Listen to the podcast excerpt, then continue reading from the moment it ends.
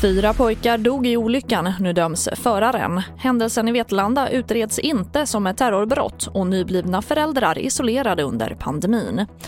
Ja, här är TV4-nyheterna som börjar med att en unga kvinna som var förare i bilen vid olyckan i Sörfors sydväst om Sundsvall i maj förra året döms till två månaders fängelse och skyddstillsyn. I olyckan dog fyra 16-åriga pojkar. Och mer om det här kan du se på tv4.se. Och polisen utreder inte händelsen i Vetlanda som ett misstänkt terrorbrott, det rapporterar TT. Just nu är misstanken försök till mord. Men oavsett vilket kommer det bli väldigt viktigt att utreda motivbilden. Och den 22-åriga man som greps efter attacken har anhållits misstänkt för flera fall av mordförsök. Tre personer vårdas fortfarande för livshotande skador. Och kommunen hade för en stund sedan pressträff och här har vi Vetlandas kommundirektör Magnus Färghage. Våra tankar går naturligtvis i första hand till de drabbade och eh, deras eh, anhöriga.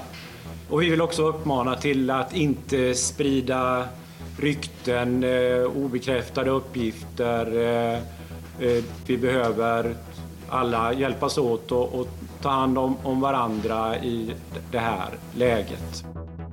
Och vi avslutar med att många föräldralediga känner sig isolerade i pandemin när öppna förskolan och föräldragrupper inte är igång.